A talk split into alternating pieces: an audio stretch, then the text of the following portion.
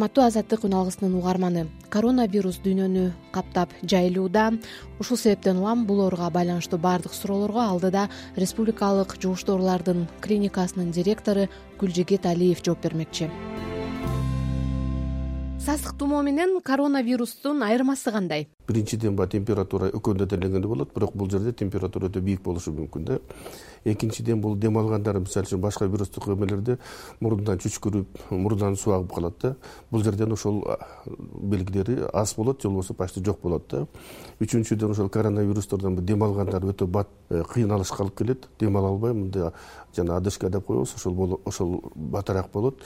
А тигинде кийин баягы осложнение болгондо гана болот да. Тобокел топторго кимдер кирет биринчиден бул э, жанагы жашы өтүп кеткен адамдар.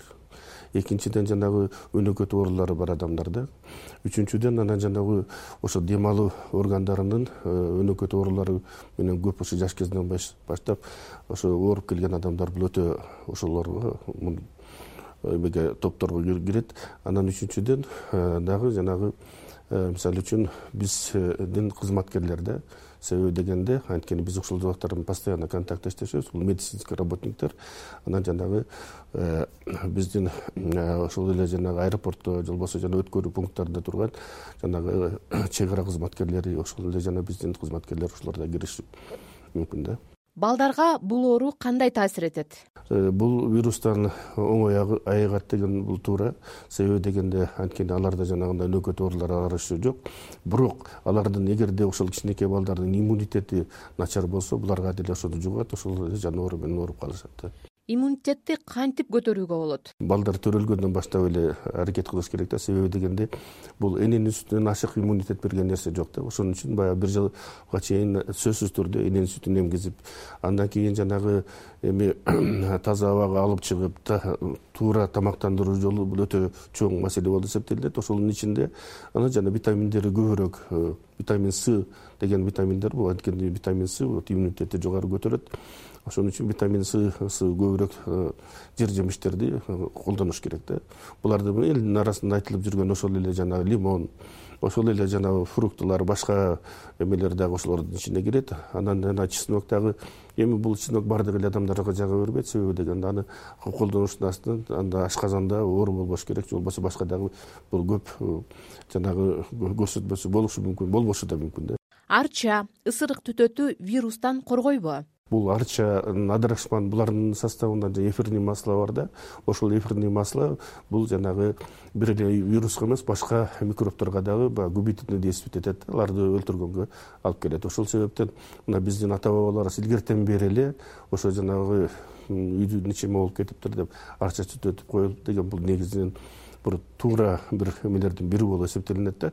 Бирок эми бул муну менен гарантия кылыш бирок туура эмес да. Коронавирустан антибиотик дарылары коргой алабы. Э, бул вирустардын баардыгына эле антибиотик таасир этпейт баардык вирустарга бир эле коронавируска же болбосо башка сасык тумоолорго же болбосо тиги башка вирустарга деле ошо ошон үчүн баягы биздин жарандардын эгерде ошол температурасы көтөрүлүп эле мындай чүчкүрүп же болбосо мурундан суу агып калган убактарда эле сразу антибиотикти колдонуу бул туура эмес болуп эсептелет себеби дегенде ошол туура эмес колдонгондун негизинде кийин эгерде антибиотик колдонуш керек болсо ошо адамдагы микробтордун баардыгы ошого көнө башташат дагы бул устойчивость деп коет. То есть ал антибиотикти колдонгондо ал микробторду мынтип жое албай калабыз да. Ошол себептен бул антибиотикти только бул медициналык кызматкерлердин гана көрсөтмөсү менен гана колдонуш керек.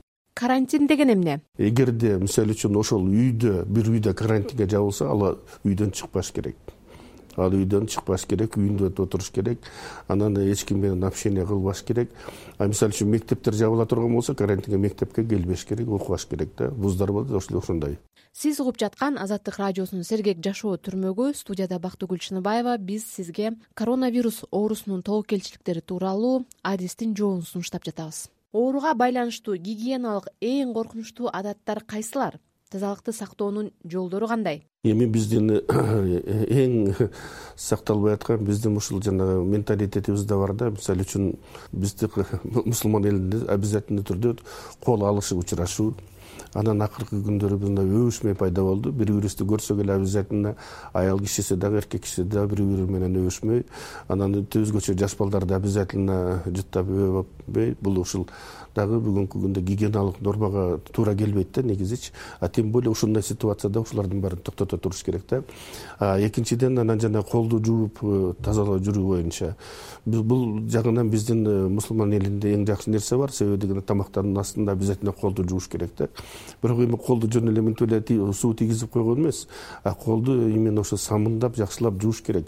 Бир эле мындай бир жок дегенде минимальный бир отуз секунддун ичинде жууш керек да. Отуз секундтун орто эсеп менен ошондо жууш керек. Ошондо гана кол таза болуп эсептелет мына бүгүнкү күндө ушул э, жана коронавирус же болбосо башка вирустардын деле башка микробтордун деле жана ич өткөктөр деле жанагы вирустун гепатит а деп коебуз ошолордун баардыгы бул колдун киринин оорусу болуп эсептелинет да. Эгерде колду таза сактай турган болсок буюрса мен ойлойм ошол жанагы биз да ошол сактанабыз да. Мына эгерде муну ала турган болсок акыркы эле күндөрдү ала турган болсок биздин ооруканага келгендердин саны именно ошол жанагы курч мүнөздөгү вирустук дем алуу органдардын ооруганы менен келгендердин саны бир топко ылдыйлап кетти да эмне үчүн? Себеби дегенде ушул коронавируска каршы жакшы иштер алып барылып атат. Ошону менен бирге жанагы адамдардын өзлөрүн да сактанып атышат. Ошол себептен мына азайганы дагы бир себеби ошолдон болуп жатат да. Аш тойлордо оору жуктуруу коркунучу кандай? Биздин э, мыйзам боюнча аларды таптакыр токтотуп коюуга мүмкүнчүлүк жок экен. Бирок ошондойду өткөрбөй койгонго мындай рекомендация берсе болот экен ошон үчүн мына биздин өкмөтүбүз дагы саламаттык сактоо министрлиги тарабынан дагы ошондой рекомендациялар берилип атат. Ошондой көбүрөөк эл чогулган жерге барбагыла өзүңөр көп элдерди топтобогула чогултпагыла деген.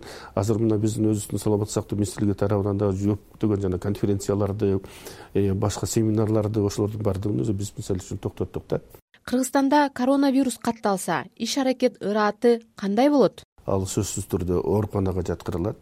Сөзсүз түрдө башка адамдар менен контакт болбош үчүн полный изоляция болот.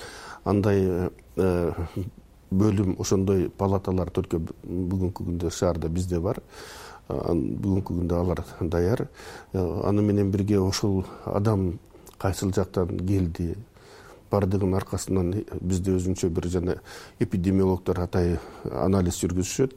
Кайдан учуп келди кайда болду деп эгерде ошол самолет менен учуп келгендер болсо ошо самолетто учуп келгендердин баардыгын тизмесин алып алардын баардыгын регистрация кылып аларды дагы карантинге э, эмеге алып келип обсервацияга жаткырыш керек да. Себеби дегенде алардын кийин эртеңки бүгүн болбосо эртеңкүсү күнү алардан да ооруп калышы мүмкүн.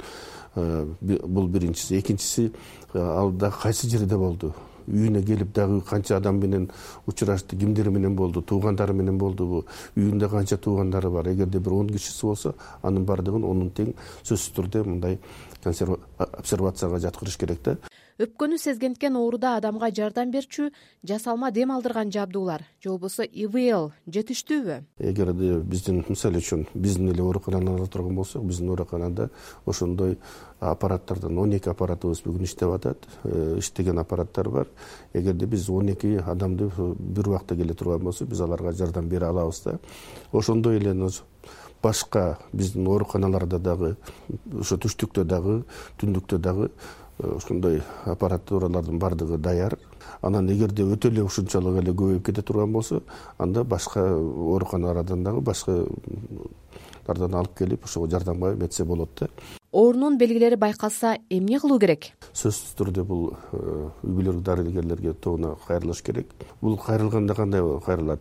Эгерде ал адам ошол жанагы башка өлкөгө барып келсе ошолор чыккан жерге барып келсе же болбосо ошондой э, оорулуу адамдар менен контакт болсо анда ошо үй бүлөлүк дарыгерлерди үйүнө чакырыш керек. Үйүнө чакырыш керек. Үйүнө чакырып ошол дарыгер келип көрүп тактап кандай көрсөтмөсү бар экен? Эгерде ошол ооруну ооруканага жаткырыш керек болсо анда ал тез жардам машинасын чакырып ошол тез жардам машинасы менен сөзсүз түрдө эмеге алып келип жаткырат да урматтуу угарман азаттык радиосунун сергек жашоо түрмөгүн уктуңуз. Аны угуу мен бактыгүл чыныбаева даярдадым. Саламатта туруңуз